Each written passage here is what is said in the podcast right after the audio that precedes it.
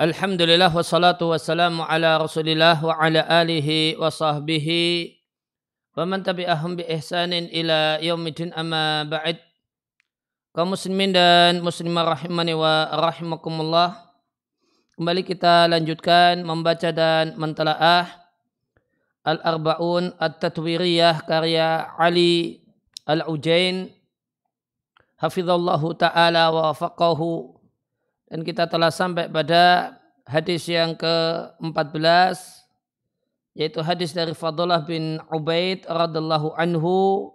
Beliau mendengar Rasulullah sallallahu alaihi wasallam bersabda wal mujahidu man jahada nafsahu.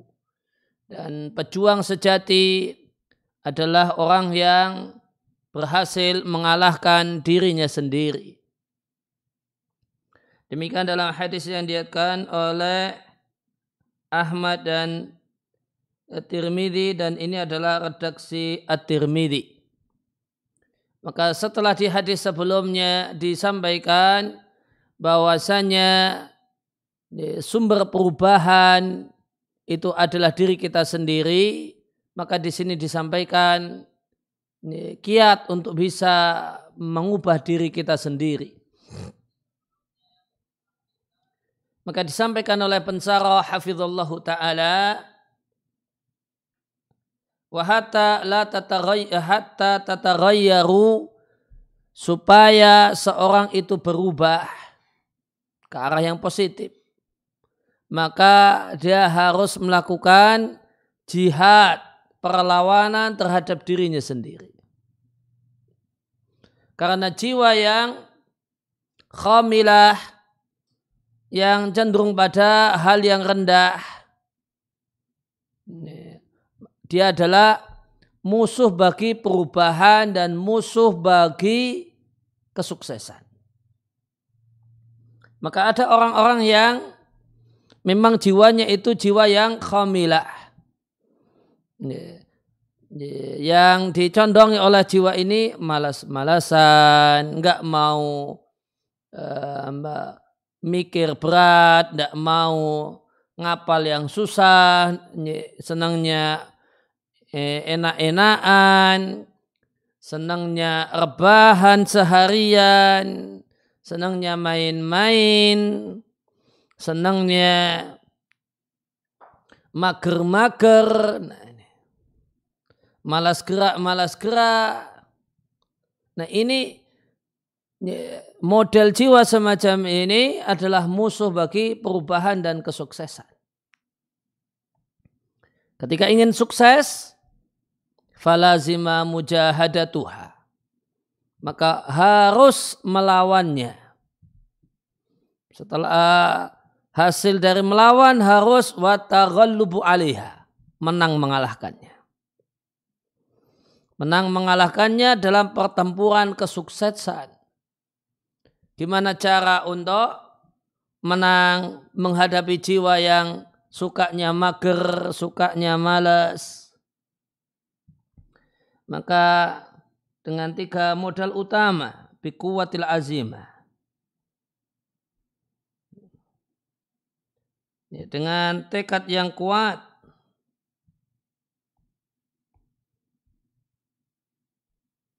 Kemudian yang kedua,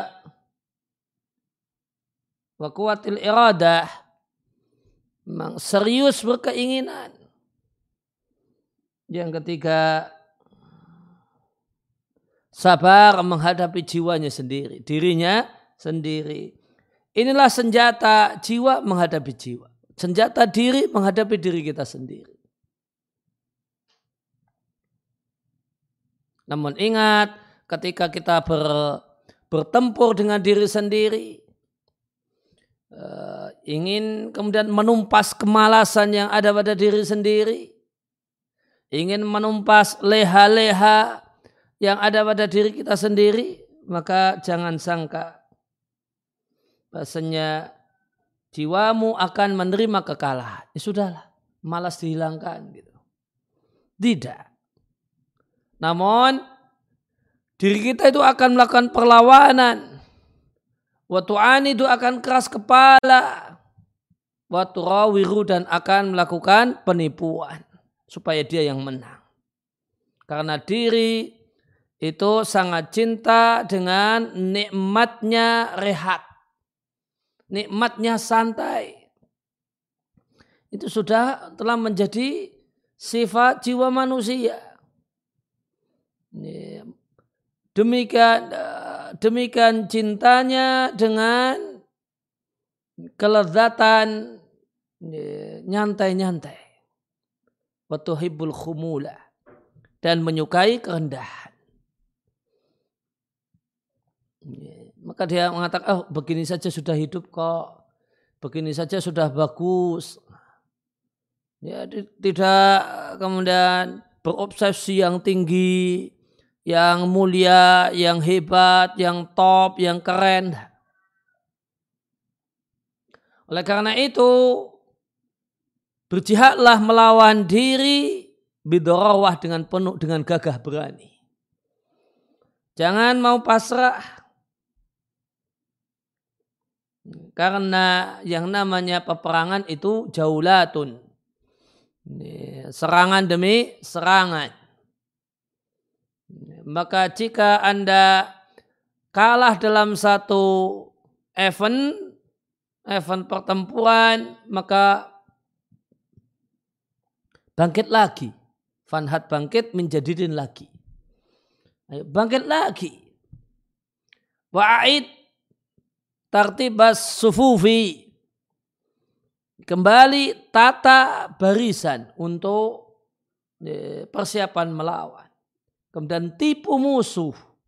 Karena peperangan itu adalah tipuan. Atibi rahimallahu ta'ala menyampaikan bahasanya alif lam di kata-kata al-mujahid itu menunjukkan jenis sehingga pejuang sejati yang sepatutnya berhak untuk mendapatkan label pejuang adalah manjahada nafsahu. Orang yang berjihad melawan dirinya sendiri.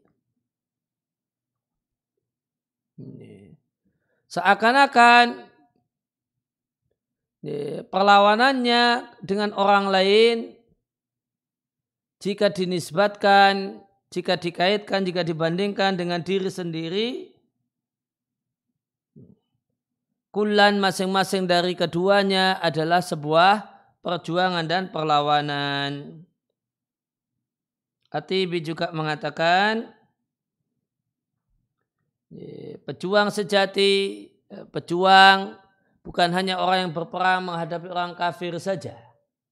Bahkan orang yang berjuang melawan dirinya sendiri kemudian wahamalah dia bawa dirinya wa akrohaha dan dia paksa dirinya untuk taat kepada Allah Subhanahu wa taala.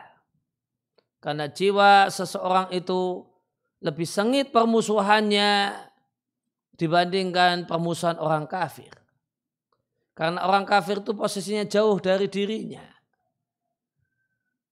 Dan tidaklah bertepatan untuk talahuk bertemu dengan orang kafir dan berhadapan dengan orang kafir ilahinan ba'dahinin kecuali hari demi hari. Adapun dirinya sendiri fa'abadan tulazimuhu maka selamanya itu membersamainya. Dan diri ini selalu menghalanginya untuk melakukan kebaikan dan ketaatan. Dan tidaklah diragukan bahasanya perang menghadapi musuh. Alladhi yulazimuhu yulazimu rajula yang membersamai seseorang itu lebih penting dibandingkan perang menghadapi musuh yang posisinya jauh dari seseorang.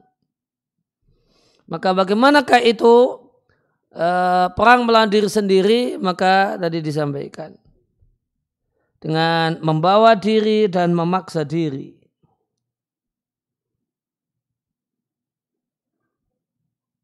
Untuk taat. Ya, maka diri itu harus ya, ya, dipaksa untuk taat. Bukannya sekadar ya, memberikan penawaran, wahai diriku kapan kau ingin taat Namun sekarang kau harus taat. Ya, maka kata kuncinya adalah kata kunci berperang melawan diri sendiri adalah paksa diri untuk taat kepada Allah Subhanahu wa taala.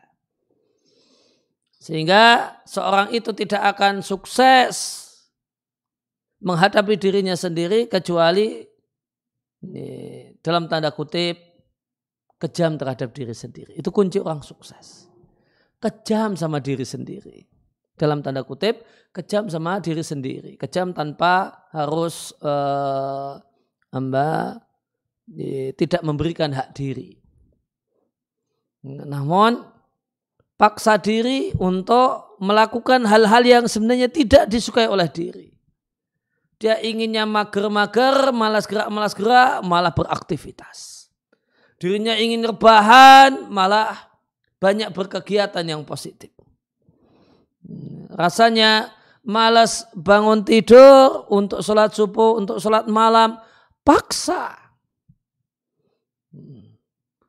Ya, paksa ya, untuk ya, untuk bangun subuh dan sholat malam. Jam bekernya per dua menit. Ya, untuk betul-betul memaksa diri. Setelah bangun, ya, maka cuci muka. Maka diri yang ngantuan ketika membaca buku paksa supaya bisa nggak ngantuan ketika baca buku. Sediakan air es misalnya. Begitu terasa ngantuk, batang es tempelkan di nah, tempelkan di mata. Biar melek. Enggak cukup, masih ngantuk juga. Baca bukunya sambil berdiri, jangan sambil duduk. Sambil jalan-jalan dalam rumah.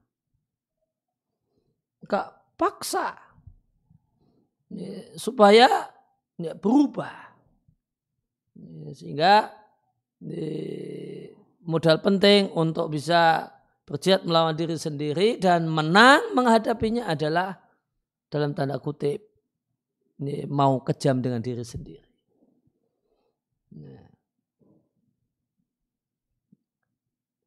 itu hamalaha wa akroha. Bawa dan paksa diri untuk taat kepada Allah Ta'ala dan untuk melakukan hal-hal yang positif.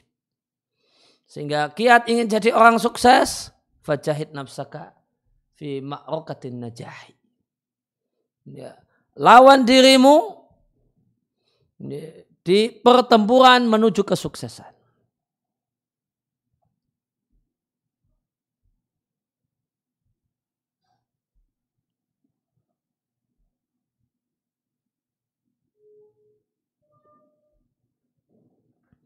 Kemudian hadis yang ke-15 adalah hadis sahabat Abu Hurairah radhiallahu anhu dari Rasulullah sallallahu alaihi wasallam idza narada ahadukum ila man fuddila alaihi.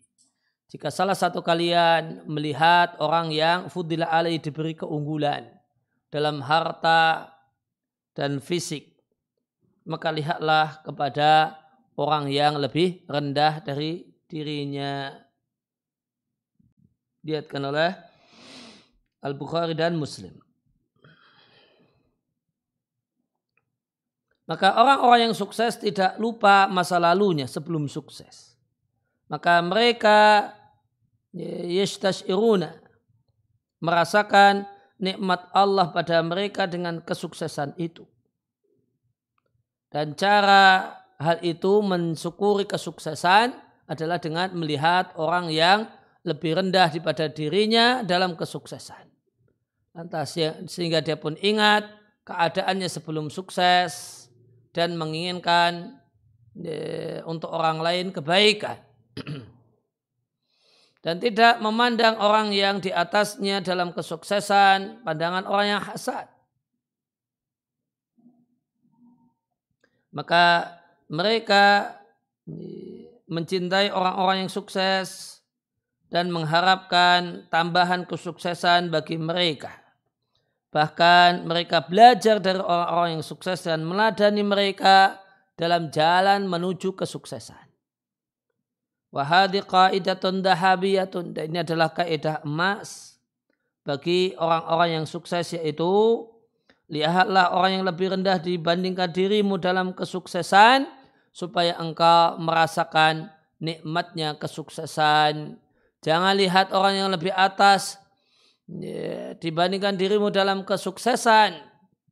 Ya, supaya engkau tidak kozam terhadap kesuksesanmu dan tidak meremehkan dirimu kemudian jadilah dirimu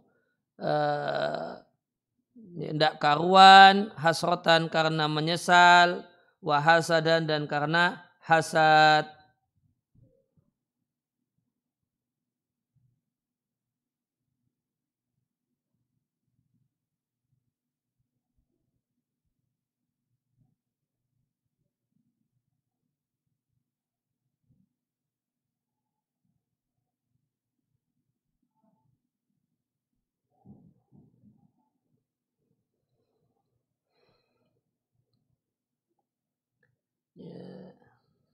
dari kata-kata kozima nanti kozima yakzamu. Ya, maknanya aba mencela. Atau kozama artinya mencela.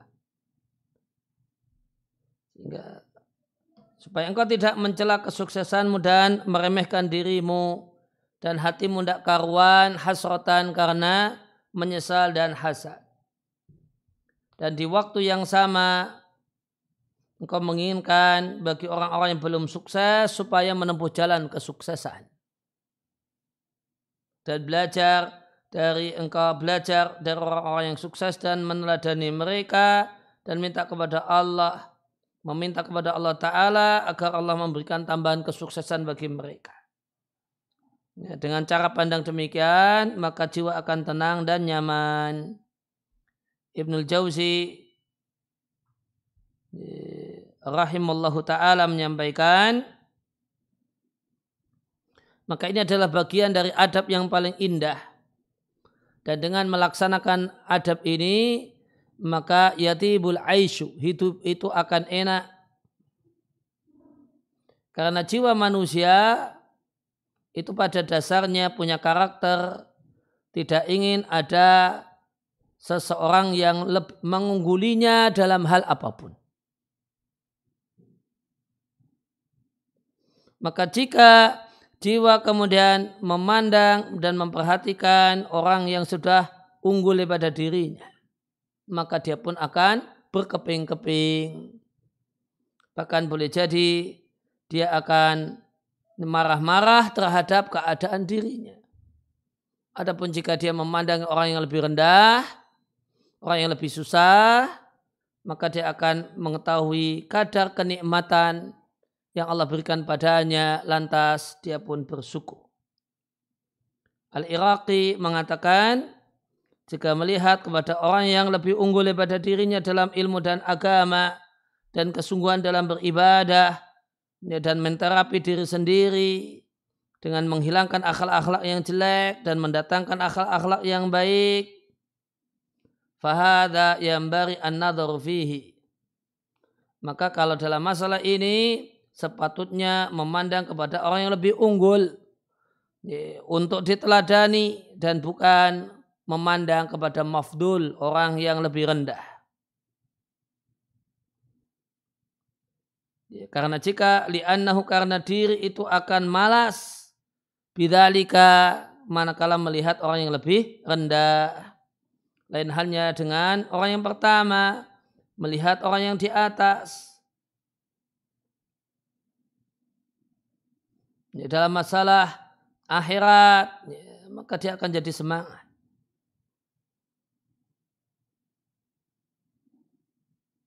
Kemudian fa'inau la yang durfihi ilal fadili ya tidak boleh melihat atau memperhatikan yang lebih unggul karena melihat yang lebih unggul itu akan meremehkan nikmat Allah pada seseorang. Karena dia bandingkan dengan nikmat yang Allah berikan kepada orang yang lebih unggul itu. Nikmat dalam harta, nikmat dalam fisik. Wa inama yang bari hanyalah sepatutnya ayang duro dia pandang dalam masalah ini yaitu dalam masalah dunia ilal mafduli kepada orang yang lebih rendah supaya dia bisa mengetahui kadar nikmat Allah yang ada pada dirinya. Maka Allah Hafidh Al-Iraqi menyampaikan bahasanya memandang yang lebih rendah ataukah yang memandang yang lebih unggul itu melihat masalahnya. Kalau dalam masalah ilmu, dalam masalah agama yaitu takwa, dalam masalah kesungguhan beribadah, dalam masalah menterapi dan mengobati diri supaya hilang akhlak-akhlak yang buruk dan memiliki akhlak-akhlak yang baik, maka caranya adalah memandang kepada yang lebih unggul. Sedangkan kalau dalam masalah harta, dalam masalah kelebihan fisik, kegantengan, ya, kesempurnaan badan, ya, maka lihatlah kepada yang lebih rendah.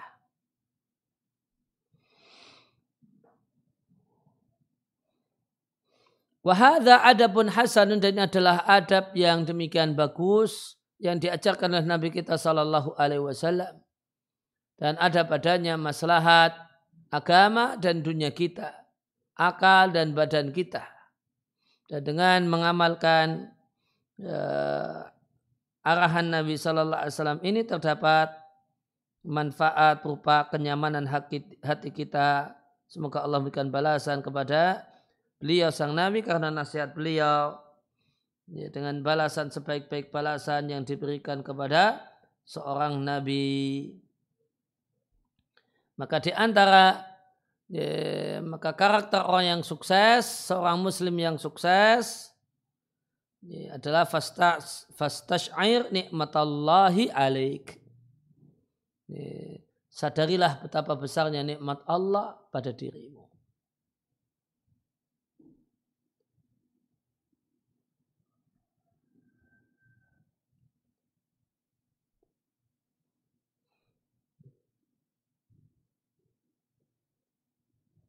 Kemudian hadis yang ke-16 dari Anas bin Malik radhiallahu anhu beliau mengatakan adalah onta milik Rasulullah sallallahu alaihi wasallam disebut dengan sebutan atba. Wakana dan onta Nabi ini la tusbaku belum pernah kalah cepat. Lantas datanglah seorang Arab Badui ala qaudin lahu yang duduk di tempat duduknya fasabaqaha ternyata bisa lebih cepat dibandingkan untannya Nabi. Maka hal itu yaitu kalahnya unta Nabi dalam kecepatan itu menjadi satu satu hal yang berat bagi kaum muslimin. Mereka mengatakan subiqat al-adba unta adba kalah.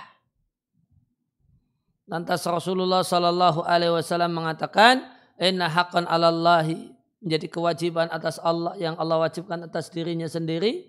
Tidaklah Allah meninggikan satu perkara dunia kecuali Allah akan merendahkannya.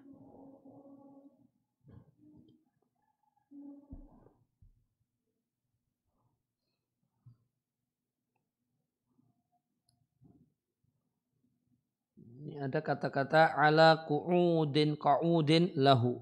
Coba kita cek dulu.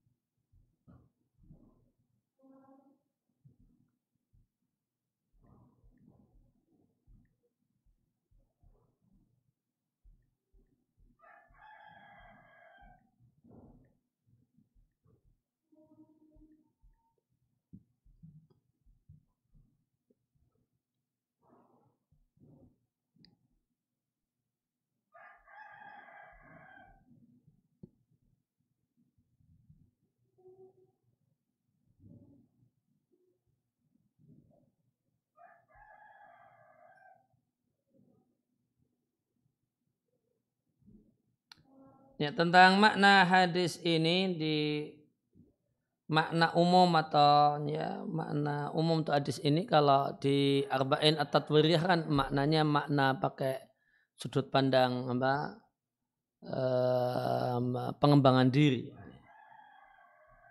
Maka dalam hadis ini Anas bin Malik menginformasikan bahasanya Nabi Shallallahu Alaihi Wasallam memiliki onta namanya adba. Dari kata-kata adbi artinya daun telinganya robek.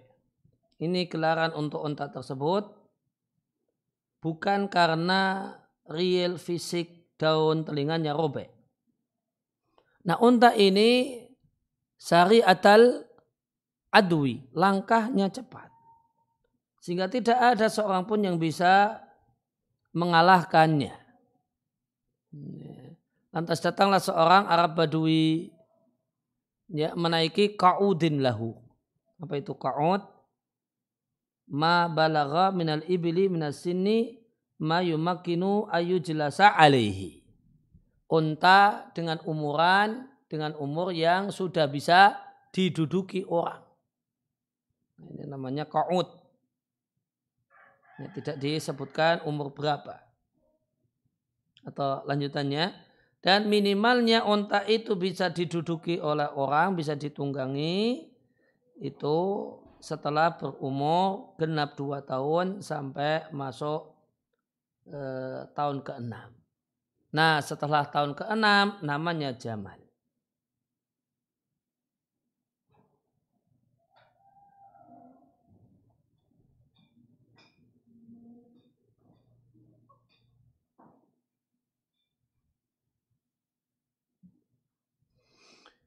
Ya akhirnya orang Arab Badui itu dengan onta kautnya bisa mendahului onta Nabi Shallallahu Alaihi Wasallam yaitu atba.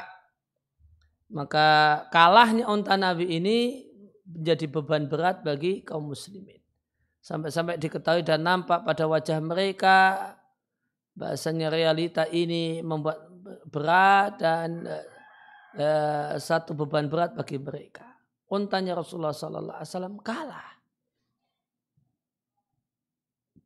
Lantas Rasulullah Sallallahu Alaihi Wasallam menyampaikan menjadi kewajiban Allah tidak ada sesuatu yang meninggi dari dunia kecuali Allah hinakan setelah tingginya.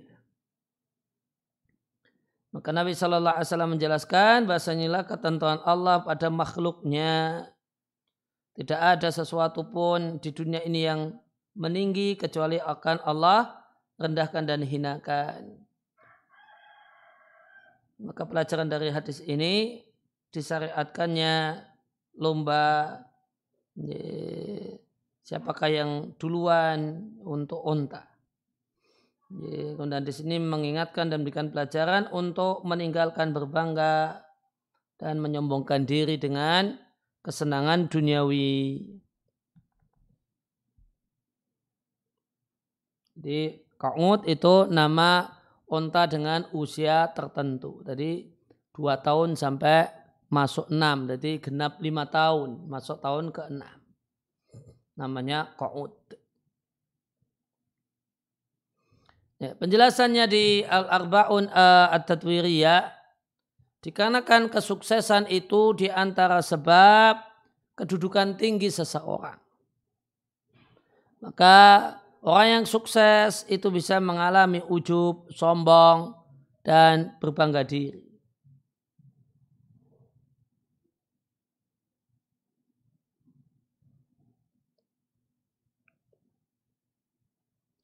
Fa'ala Nabi sallallahu alaihi wasallam dalika maka Nabi sallallahu alaihi wasallam mengobati hal itu dengan ketawaduan.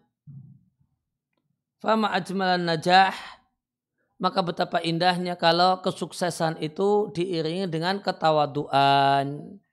Orangnya sukses, sukses belajar sehingga menjadi orang yang berilmu, menjadi orang yang pintar, namun orangnya tetap low profil. Orang sukses dalam masalah duniawi sehingga kaya raya, sehingga sukses meniti karir, sehingga eh, pangkatnya tinggi, namun dia eh, low profil. Ini tetap bisa santai ya gambaran low profil ya tetap bisa santai ma makan di angkringan atau makan lesehan di uh, di, di di warung eh, kaki lima dan dan seterusnya. Padahal orangnya orang yang top, orang yang sukses. Maka dalam hadis ini terdapat kaidah emas dalam kesuksesan.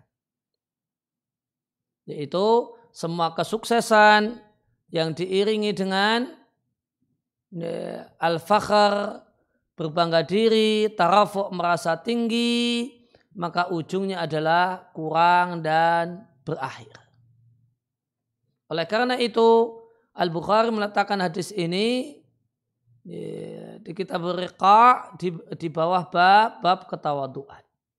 Abu Dawud memberi judul bab hadis ini di kitabul adab minas sunan dari sunan Abu Dawud nah, diberi judul bab uh, karahiyatul rif'ati minal umuri bab ya, tidak disukainya arifatil minal umuri perkara-perkara yang tinggi. Ay, tinggi di sini maksudnya taraf merasa tinggi dan berbangga. Dan ini adalah satu perkara yang bisa disaksikan dalam kehidupan. Baik dalam level person ataupun di eh, person, eh, level komunitas. Di hadis ini kita lihat bagaimanakah kaum muslimin tidak menerima kekalahan unta Nabi Shallallahu Alaihi Wasallam yang namanya Atba. Dan bagaimanakah melihat unta Nabi kalah itu menjadi beban berat bagi mereka. Wal wajah dan alasan kenapa perkara ini, perkara ini apa? Kalahnya unta Nabi itu berat bagi kaum muslimin alasannya yang pertama karena itu unta Nabi Shallallahu Alaihi Wasallam. Yang kedua unta ini belum pernah kalah cepat. Yang ketiga uh, yang mengalahkannya adalah Jamalun Sorirun, unta yang masih belia. Ini junior ini. Ya. Ini senior dikalahkan sama junior. Karena kau tadi unta baru genap umur 2 tahun. Anggap saja pakai minimal 2 tahun. Nah, Atba ini sudah senior senior kok kalah sama junior. Ya, apa itu bahasa anak muda sekarang? Nibi apa apa? Uh, baru ya, pemula ini sudah sudah bisa mengalahkan profesional. Kemudian yang mengalahkan adalah salah satu orang Arab Badui. Namun Nabi Shallallahu Alaihi Wasallam tidak menoleh itu semua. Dan Nabi jelaskan bahasanya kesuksesan. Mahma balaghafil al-insanu. Ini betapapun tinggi derajat yang telah, telah didapat oleh manusia dengan kesuksesan. Jika tidak diring dengan ketawaduan dan syukur kepada Allah subhanahu wa ta'ala. Ya'di alaihi yaumun. Maka akan datanglah masa dan hari. Di mana di hari tersebut kesuksesan tersebut akan hilang dan berakhir. Maka kaidah penting untuk orang yang, orang yang sudah sukses ini berarti uh, adalah tawaduklah, low profil lah, tetaplah low profil. Ya, jangan terkecoh dengan kesuksesan yang telah Anda raih. Ya, maka di dua hadis ini ini sudah, kita sudah membahas tentang karakter orang yang sudah sukses. Kalau di hadis-hadis sebelumnya hadis-hadis yang membahas dan berkaitan dengan kiat menuju sukses. Kalau di dua hadis terakhir ah, sudah pembahasannya gimanakah orang yang sukses, seorang muslim yang sukses. Pertama eh, merasakan ya, dan menyadari besarnya nikmat Allah yang Allah berikan kepadanya dengan kesuksesan yang Allah mudahkan untuknya. Kemudian yang kedua adalah ya, tawadu, tetaplah profil jangan uh, jangan sombong dengan kesuksesan. Sebelum kita lanjutkan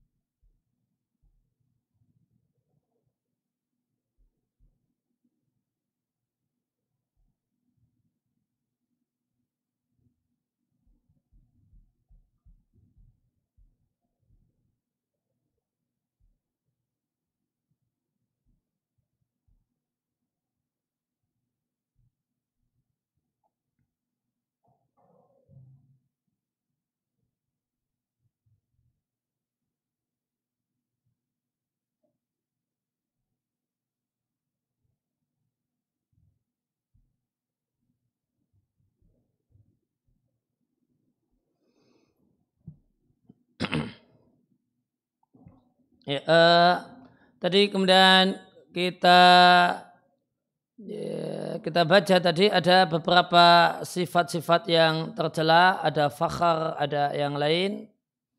Ya, penjelasan tambahan tentang hal ini ingin dibacakan dari Sarah Wasitiyah karya Saleh Al-Fauzan hafizallahu taala wa faqahu beliau menjelaskan matan wasitiyah dengan mengatakan wa in hauna anil fakhri dan ahlu sunnah melarang berbangga. Ini, apa itu fakhar wawal mubahah? Itulah e, berbangga-bangga bil makarimi dengan e, hal-hal yang mulia, hal-hal yang positif yang dimiliki oleh seseorang dan kelebihan yang ada pada seseorang. Min hasabin misalnya kemuliaan keluarga besarnya wan nasabin atau kemuliaan nasabnya. Demikian juga di antara sifat yang tercela adalah khuyala yang maknanya adalah sombong dan ujub. Wal baryu atau tadi anil fakhri wal khuyala'i wal bagyi dan bagyu. Al bagyu adalah al udwan ala nasi, memusuhi orang.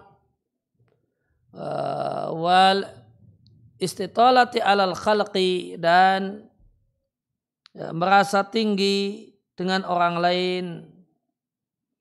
Ya, istitalah itu maknanya atarafu alihi merasa lebih tinggi daripada orang lain kemudian ditambah meremehkan orang lain plus mencela orang lain. Ya, maka uh, istitolah itu mengandung tiga unsur. Merasa tinggi dan merendahkan. Ya, merasa tinggi ditambah merendahkan itu namanya kiber. Ya, merasa tinggi kemudian menganggap remeh orang lain dirinya tinggi, orang lain remeh, rendah, hina. Itu kiber. Kemudian ditambah yang ketiga ya, lisan. Ya, tarafu itu masalah hati, merasa hati merasa lebih tinggi, hati kemudian merasa itu orang lain rendah. Nah, kemudian ditambah lisan dengan mencela. Dan istitola merasa uh, merasa lebih tinggi atau sombong itu terlarang bihakin wa bighairi hakin. Baik kenyataannya dia seperti itu atau tidak seperti itu. Ada orang yang sombong dengan kepintarannya. Dia memang orang pintar dan sombong dengan kepintarannya. Maka ini istitolah bihakin ini tercela. Apalagi orang yang cuma sok pintar. Dia nggak begitu pintar namun merasa pintar dan merendah, merendahkan yang lainnya. Nah, ini tentu lebih jelek lagi. Dia kaya, real dia kaya dan dia sombong dengan kekayaannya. Ini namanya istitalah bihakin. Ya, ini tercela. Nah apalagi orang yang cuma sok kaya dan merendahkan orang lain. Di anal mustatila karena yang namanya merasa sombong. Ya, jika dia merasa sombong itu sesuai dengan kenyataan maka namanya iftakhor. Namanya berbangga diri. Namun wa ini statala bi ghairi haqqin, namun jika sombongnya itu ya, tanpa realita yang ada pada dirinya, ya, faqad baghiya maka namanya baryun. Wala yahillu la hada wala maka ini semua tidaklah halal baik ini ataupun itu. Ya, maka hal yang berkenaan dengan uh, kosakata hal yang berkenaan dengan masalah sombong itu ada fakhar, ada khuyala, ya, ada uh, ada baryun dan ada istitolah. Itu semuanya mirip-mirip ya mirip-mirip uh, ya semuanya berdekatan dengan hal itu coba kita lihat papan dia cek papan tulis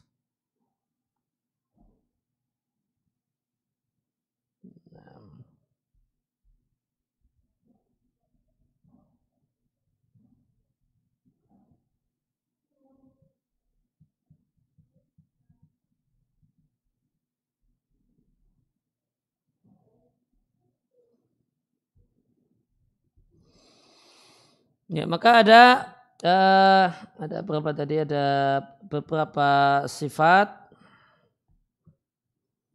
seputar sombong. Jadi ada fakhar. Oh, enggak kelihatan.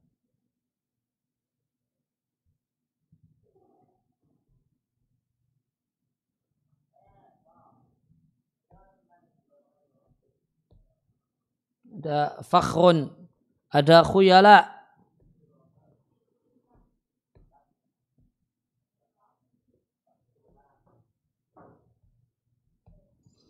Kemudian ada baryun.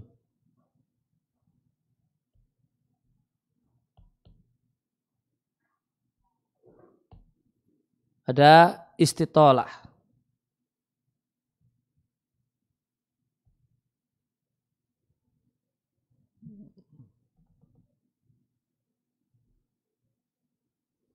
Ya fakhar khuyala baryun istitalah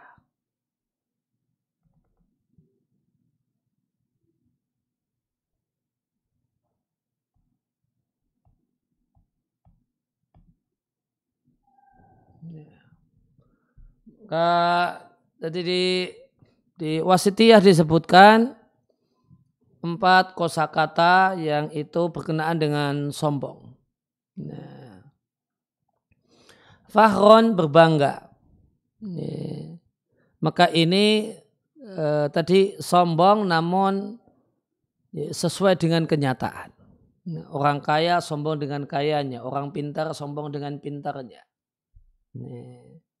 Maka ini namanya fahron berbangga diri. Orang berilmu sombong dengan ilmunya, orang cantik sombong dengan kecantikannya, yang ganteng sombong dengan gantengnya. Namanya fakhrun. Ya, lawannya adalah baryun. Ya, baryun itu sombong padahal tidak seperti itu. Dia cuma sok-sokan gitu kata orang Jawa. Ya, sok kaya kemudian merendahkan yang lain. Padahal dia tidak kaya. Sok pinter kemudian meremehkan yang lainnya. Nah, ini uh, ini namanya baryun. Uh, baryun dengan eh, fakhron itu bisa dicakup oleh kata-kata istitolah. Karena istitolah tadi dibagi menjadi dua macam, bihakin sama istitolah bighairi hakin.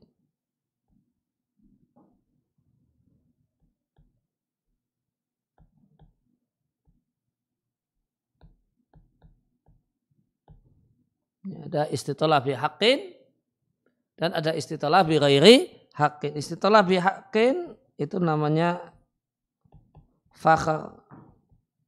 Istilah bighairi hakin namanya baryun.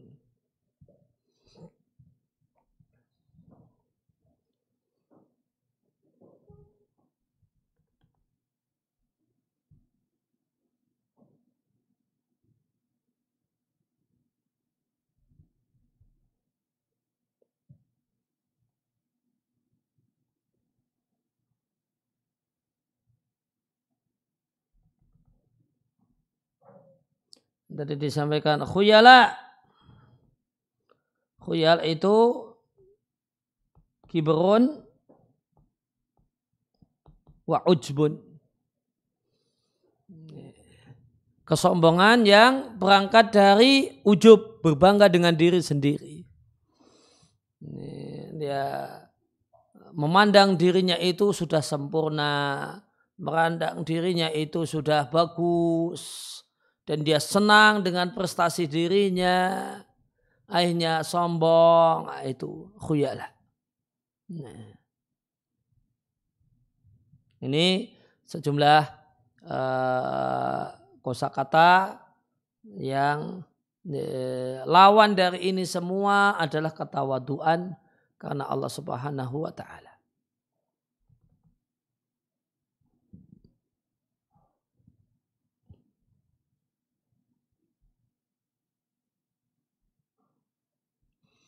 Ya, kemudian kita kembali ke Al-Arba'un At-Tatwiriyah, kita lengkapi dengan hadis yang ke-17 dari Abu Hurairah radhiyallahu anhu adalah Rasulullah sallallahu alaihi wasallam suka berdoa, ya Allah perbaikilah agamaku yang merupakan peganganku. Ya Allah perbaikilah duniaku yang merupakan tempat ya, kehidupanku. Ya Allah perbaikilah akhiratku yang merupakan tempat kembaliku. Ya Allah jadikanlah kehidupan ya, umur panjang adalah tambahan kebaikan untukku. Dan ya Allah jadikanlah kematian adalah masa beristirahat bagiku dari segala derita dan kesusahan. Demikian dalam hadis muslim. Maka pelajaran uh, dari hadis ini ya, sukses yang sempurna adalah sukses agama dan dunia. Fil ula wal akhir. Di dunia dan dilanjut dengan akhirat. Maka dalam masalah sukses ada manusia kita bagi menjadi beberapa kategori. Yang pertama, sukses yang paling top. Ya, yang paling keren adalah anajihu orang yang sukses dalam semua perkara. Ya, fitadayunihi wahayatihi dalam kualitas beragamanya dan kehidupannya, dunia dan akhiratnya. Sehingga dia yastamti'u bihima ya, mendapatkan menikmati dua-duanya. Yang kedua, sukses dalam perkara agama dan akhirat namun gagal dalam perkara kehidupan dan dunia. Maka dia mendapatkan nikmat dengan tadayunnya. Ya, kualitas beragamanya, namun dia cegah dirinya untuk merasakan kenikmatan kesuksesan dunia. Yang ini sering kali lisu'i fahmihi. Karena pemahaman yang tidak benar tentang hakikat beragama. Dikira beragama itu kemudian bertentangan dengan kesuksesan dunia. Dikira bahasanya muslim yang baik tidak boleh kaya misalnya.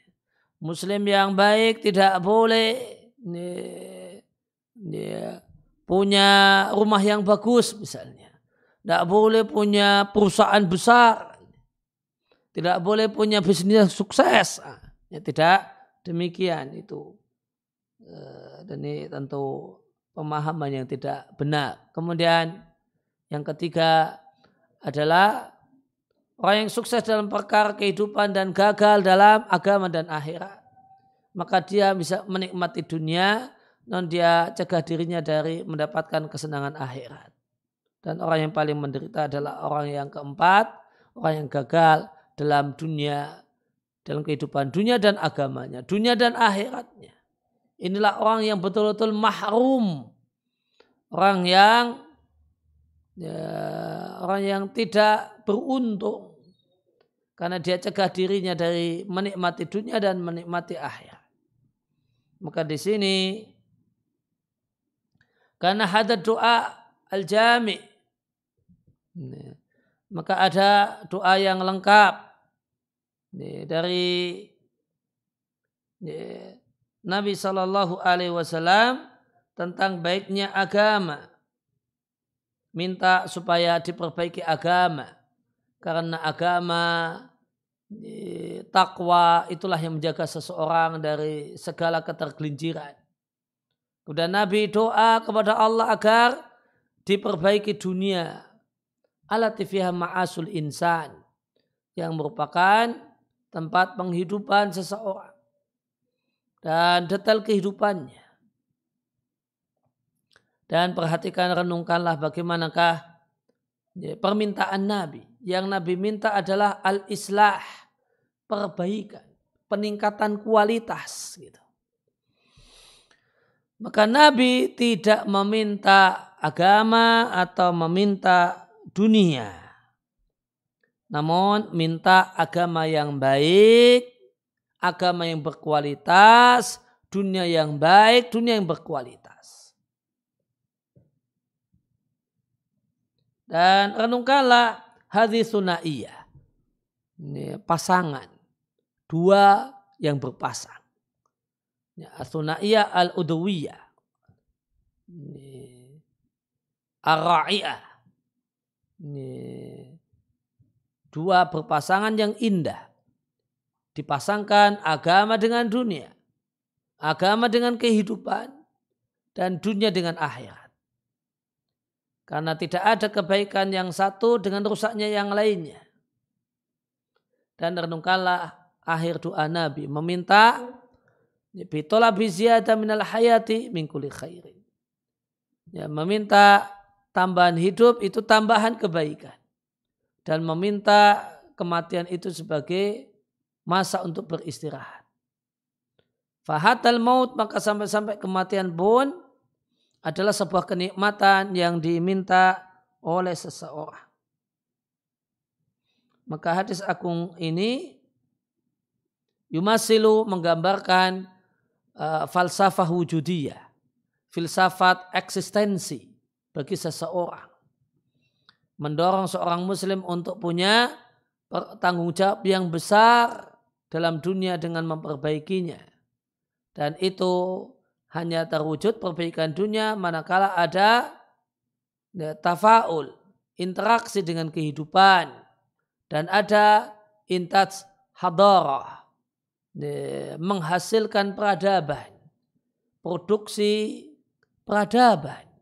Dan itu semua dihubungkan dan dikaitkan dengan agama dan akhirat. Maka eh, suksesnya seorang muslim itu adalah sukses dunia dan akhirat. Fastamti bidinika wahyatika.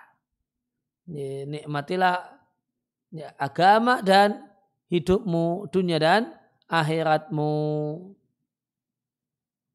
Ya, demikian yang dikaji kesempatan pagi hari ini. Wassalamualaikum ala nabiyina Muhammadin wa ala alihi wa rabbil alamin. Ada pertanyaan?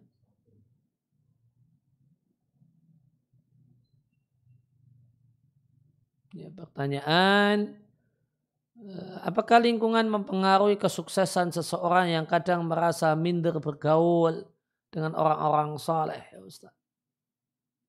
Ya. Menyadari bahasanya punya kekurangan itu satu hal yang baik, namun jika kesadaran adanya kekurangan itu buahnya keminderan, ya, maka ini satu hal yang tidak baik.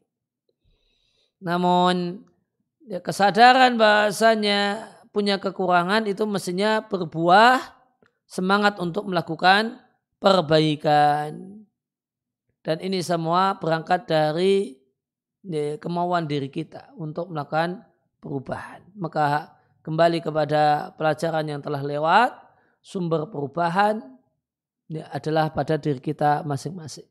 Lingkungan punya peran, ya, namun penentu utamanya lingkungan itu punya faktor kesuksesan faktor ya kalau orangnya malas-malas semua misalnya malas beragama semua ya akhirnya malas. Ya, akhirnya malas. Malas kerja kemudian pada ya ikut malas. Namun penentunya penentu utama dan penentu akhirnya adalah keputusan kita.